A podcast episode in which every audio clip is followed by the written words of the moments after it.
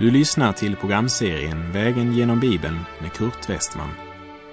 Programmet produceras av Norea Radio Sverige. Vi befinner oss nu i Uppenbarelseboken. Slå gärna upp din bibel och följ med. Vi avslutade förra programmet med orden Låt oss vara glada och jubla och ge honom äran. Ty Lammets bröllop har kommit och hans brud har gjort sig redo. Åt henne har givits att klä sig i skinande, rent linnetyg. Linnetyget är det heligas rättfärdighet. Och ängeln sade till mig, skriv, saliga är de som är bjudna till Lammets bröllopsmåltid. Och han tillade, dessa Guds ord är sanna. Jag föll då ner för hans fötter för att tillbe honom, men han sade till mig, gör inte det.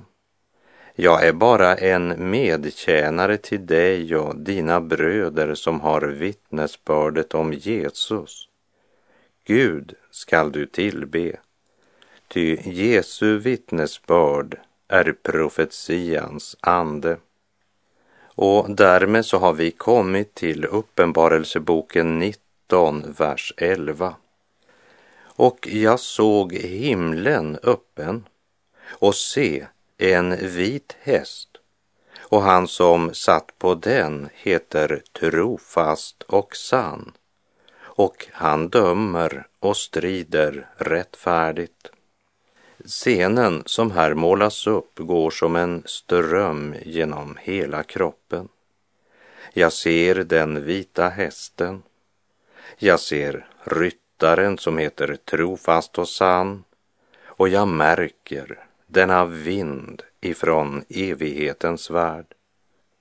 Det är en av skriftens absoluta höjdpunkter där jag i anden hör återklangen från Golgata, där Kristus sa, det är fullbordat.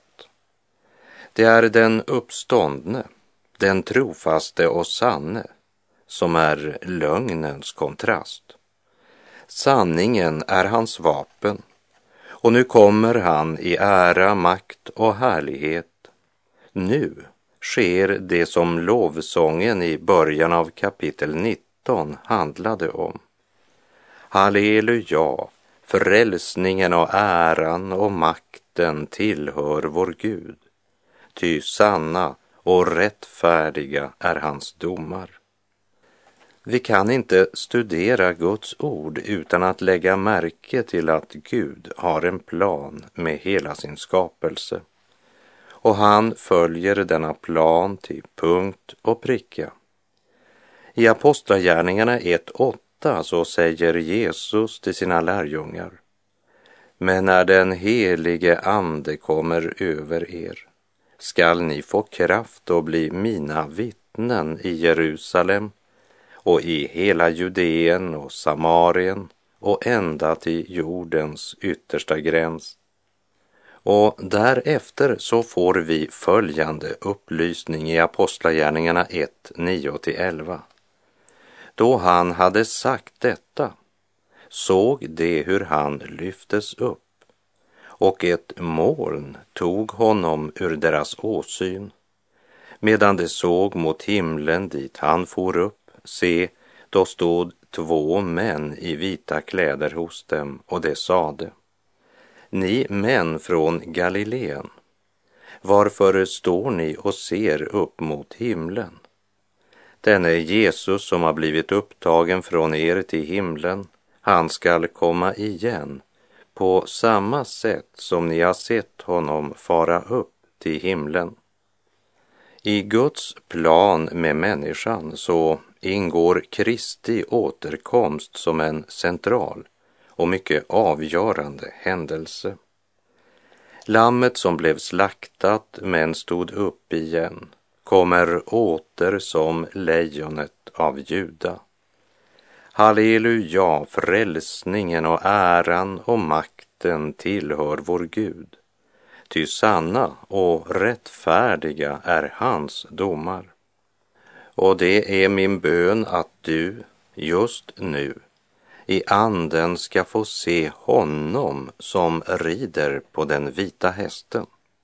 Han heter trofast och sann och han dömer och strider rättfärdigt. Nu sker det som Guds barn har bett om, suckat och längtat efter. Och vi märker den heliga återhållsamheten hos Johannes som hindrar honom från att säga vem det är han ser. Han nämner inte hans namn, men stadfäster att han är en kontrast till lögnaren och förföraren. Nu kommer han inte i ringhet, men som Guds son och världens domare och sanna och rättfärdiga är hans domar. Uppenbarelseboken 19, vers 12. Hans ögon var som eldslågor och på sitt huvud bar han många kronor. Han hade ett namn skrivet som ingen känner utom han själv. Johannes säger hans ögon var som eldslågor. Hebreerbrevet 4.13 beskriver det så här. Inget skapat är dolt för honom, utan allt ligger naket och uppenbart för hans ögon, och inför honom måste vi stå till svars. Varje människa ska en dag inför Gud avlägga räkenskap för sitt liv. Alla tankar, ord och gärningar. Inget är fördolt för honom. Hans ögon är som eldslågor. Han ser och vet allt. Allt ligger naket och uppenbart för hans ögon. På sitt huvud bar han många kronor. I det sjätte kapitlet i sitt första brev till Timoteus så talar Paulus om att när tiden är inne så ska Herren låta oss se den salige, ende härskaren, konungarnas konung och herrarnas herre, som ensam är odödlig. Honom tillhör ära och evig makt. Det är det som ligger i orden på sitt huvud bar han många kronor. Det nästa Johannes har att säga om honom han såg, det var att han hade ett namn skrivet som ingen känner utom han själv. Namnet är ju ett uttryck för hans persons innersta väsen.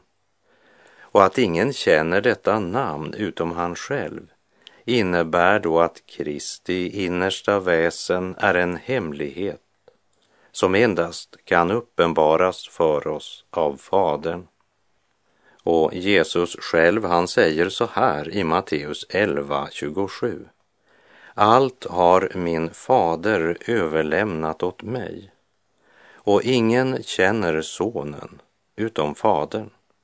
Inte heller känner någon fadern utom sonen och den som sonen vill uppenbara honom för. Därför skriver också Paulus så här i Efeserbrevet 1.17. Jag ber att vår Herre Jesu Kristi Gud, härlighetens fader, ska ge er vishetens och uppenbarelsens ande så att ni får en rätt kunskap om honom Säg, känner du det underbara namnet som till frälsning Gud oss gav? Hans ögon var som eldslågor och på sitt huvud bar han många kronor. Han hade ett namn skrivet som ingen känner utom han själv.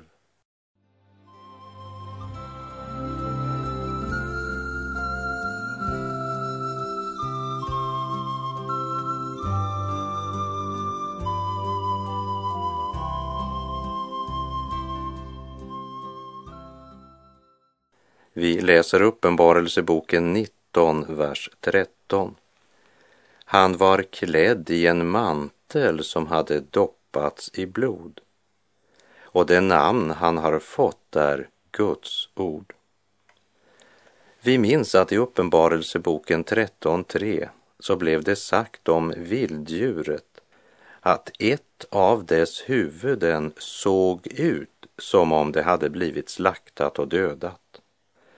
Men Guds lam, världens frälsare, har inte bara skenet av att ha blivit slaktat. Kristus har inga falska fasader. Det ser inte bara ut som om hans mantel varit doppad i blod. Den hade doppats i blod. Uppenbarelseboken 13.3 innehåller hela vår frälsning, grunden för syndernas förlåtelse, frid med Gud och evigt liv. Till de troende i Korint skriver Paulus så här i Första Korinterbrevet 15, vers 3 och 4. Jag meddelade er det allra viktigaste, vad jag själv hade tagit emot, att Kristus dog för våra synder enligt skrifterna, att han blev begravd, att han uppstod på tredje dagen enligt skrifterna. Det allra viktigaste, säger aposteln Paulus. Och han är ett Herrens vittne som vet vad han talar om.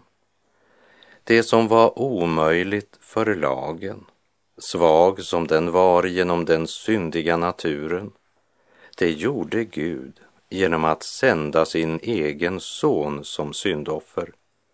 Han som till det yttre var lik en syndig människa och i hans kropp fördömde Gud synden. Så skulle lagens krav uppfyllas i oss som inte lever efter köttet utan efter anden, skriver Paulus i Romarbrevet 8, vers 3 och 4.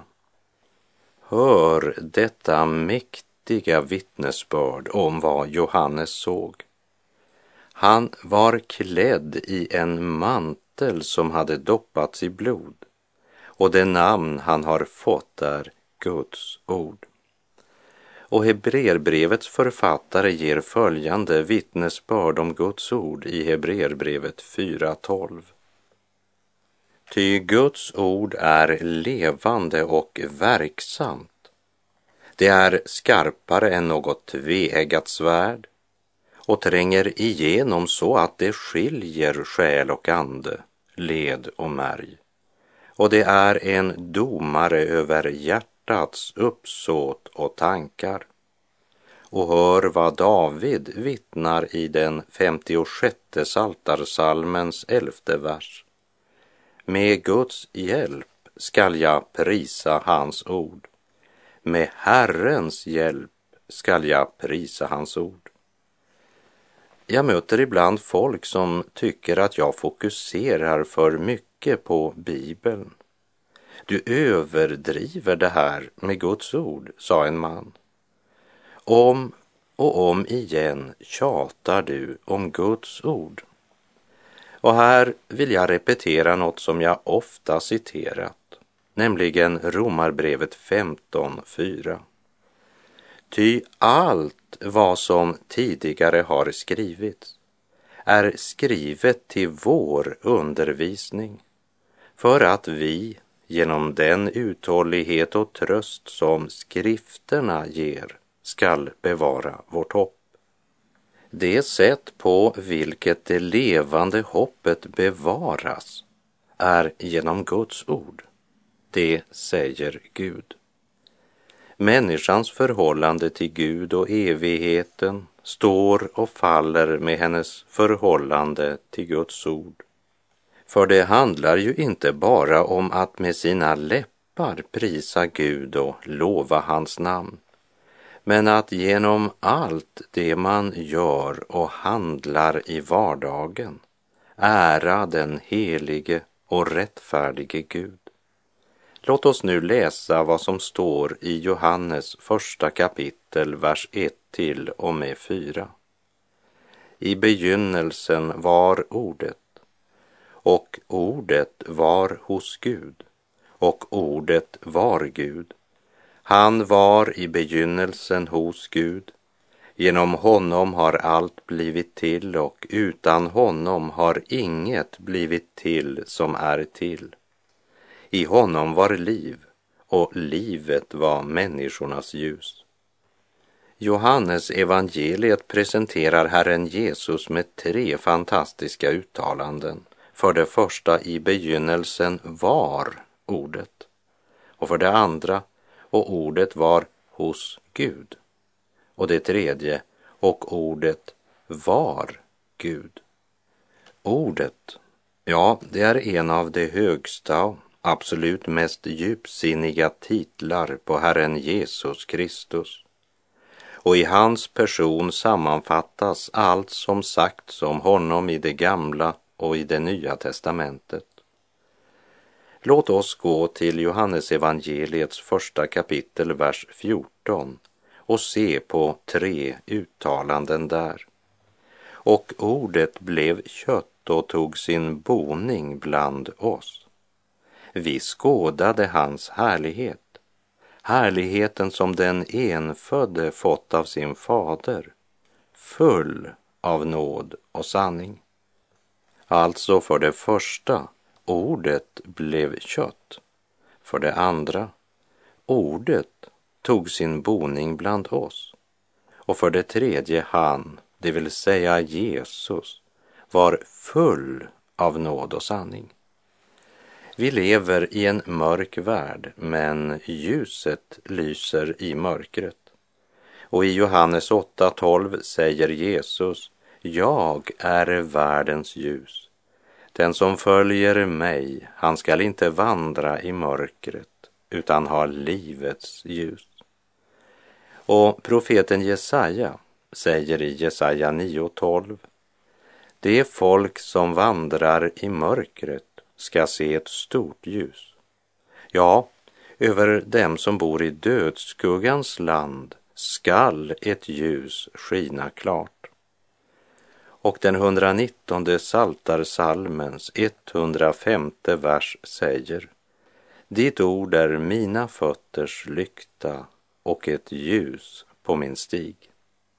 Låt oss med detta som bakgrund än en gång läsa Uppenbarelseboken 19 19, vers 12 och 13. Hans ögon var som eldslågor och på sitt huvud bar han många kronor. Han hade ett namn skrivet som ingen känner utom han själv. Han var klädd i en mantel som hade doppats i blod och det namn han har fått är Guds ord.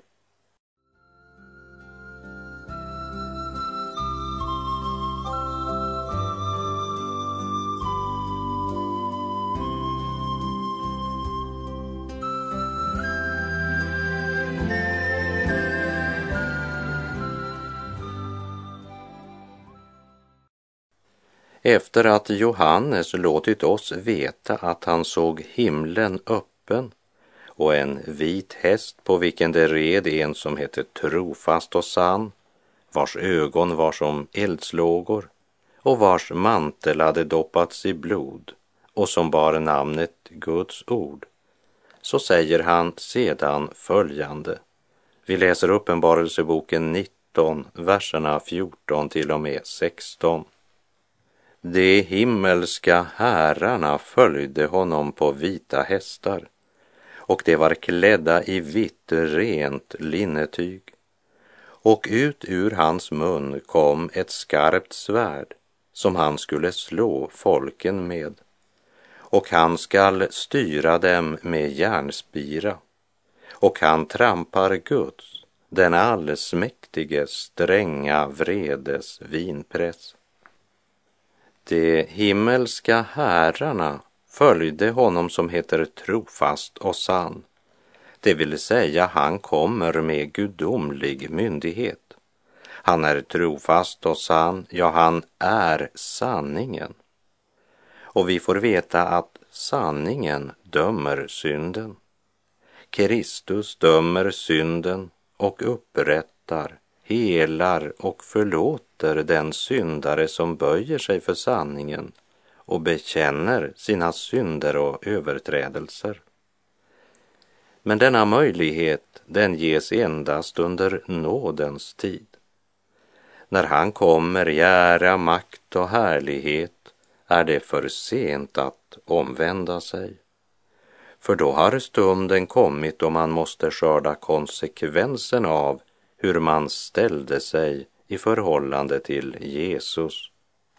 Nu kommer han inte med en inbjudan till frälsning.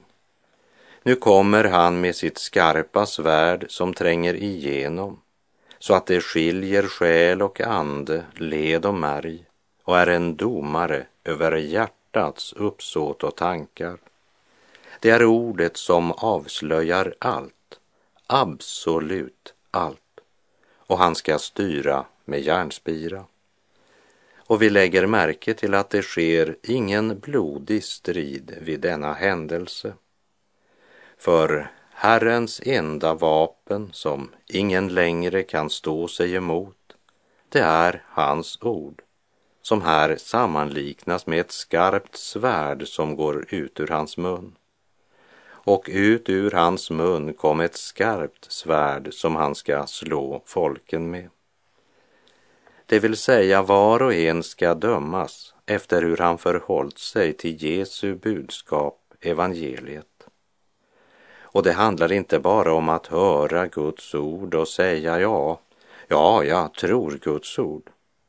Det handlar om att inrätta sitt liv efter vad Guds ord säger. Om någon är ordets hörare och inte dess görare liknar han en man som betraktar sitt ansikte i en spegel och när han har sett sig själv i den går han sin väg och glömmer genast hur han såg ut. Den däremot som blickar in i frihetens fullkomliga lag och blir kvar i den och inte är en glömsk hörare utan en verklig görare, han blir salig i sin gärning, står det i Jakobs brev, vers 23 till och med 25. Och i Johannes evangeliets tredje kapitel, verserna 17 till och med 19 kan vi läsa. Inte sände Gud sin son till världen för att döma världen, utan för att världen skulle bli frälst genom honom. Den som tror på honom blir inte dömd, men den som inte tror är redan dömd eftersom han inte tror på Guds enfödde sons namn. Och detta är domen. Ljuset kom till världen och människorna älskade mörkret och inte ljuset eftersom deras gärningar var onda. Kära vän som lyssnar. Det är inte dina synder som utestänger dig från den eviga saligheten men att du förkastade sanningen. Hör vad Jesus säger i Johannes 8.45. Men mig tror ni inte, därför att jag säger er sanningen. Den gången så kunde människan välja vad hon gjorde med Jesu ord. Men när han kommer åter ska vi dömas efter vad vi gjorde med Guds heliga bud och evangeliets budskap. Och ut ur hans mun kom ett skarpt svärd som han ska slå folken med och han ska styra dem med järnspira och han trampar Guds, den allsmäktiges stränga vredes vinpress. Och vi läser Uppenbarelseboken 19, vers 16 och på sin mantel och på sin höft har han ett namn skrivet, konungarnas konung och herrarnas herre. Manteln står som en symbol för efterkommande. Det talar om de som har arvsrätt. I Första Kungabok 19, vers 19 och 20 läser vi följande. När Elia sedan gick därifrån fann han Elisa Safats son som höll på att plöja. Tolv par oxar gick framför honom och själv körde han det tolfte paret. Elia gick fram till honom och kastade sin mantel över honom. Då släppte han oxarna och skyndade efter Elia och sade Låt mig först få kyssa min fader och min moder till avsked, så ska jag sedan följa dig. Det var kallelsens kappa som blev lagd på hans axlar. Guds kallelse hade nått den unge Elisa och väl medveten om att det gällde en livskallelse så svarar han ja och slaktar oxarna som han hittills plöjt med. Och efter att ha varit Elia tjänare i cirka tio år så står nu Elia och Elisa vid Jordanflodens strand. Och så läser vi i Andra Kungabok 2, vers 9. När det hade kommit över sade Elia till Elisa Be mig om vad jag ska göra för dig innan jag tas ifrån dig. Elisa sade, må en dubbel arvslott av din ande tillfalla mig. Elisa vet att han behövde själv vara utrustad med samma andliga kraft som Elia hade. Och den dubbla arvslotten den talar inte bara om att Elisa ber om andlig kraft i dubbelt mått. Men han hänvisar därmed också till den arvsrätt som den äldste sonen hade i en familj. Om man hade fem söner så blev arvet delat i sex delar eftersom den äldste hade rätt till en dubbel arvslott. Och Elisa, han har frimodighet att begära detta eftersom profeten Elia hade kastat sin mantel över Elisa. Manteln talar både om kallelse, ansvar och arvsrätt. Och Uppenbarelseboken 19, vers 16 säger om Jesus och på sin mantel och på sin höft har han ett namn skrivet, konungarnas konung och herrarnas herre. O Jesus, öppna du mitt öga, att jag må se hur rik jag är. Jag har en fader i det höga som trofast omsorg om mig bär. Jag har ett härligt himmelskt rike vars grundval aldrig vackla kan. Jag har en krona utan like, ett arv som Jesus åt mig vann.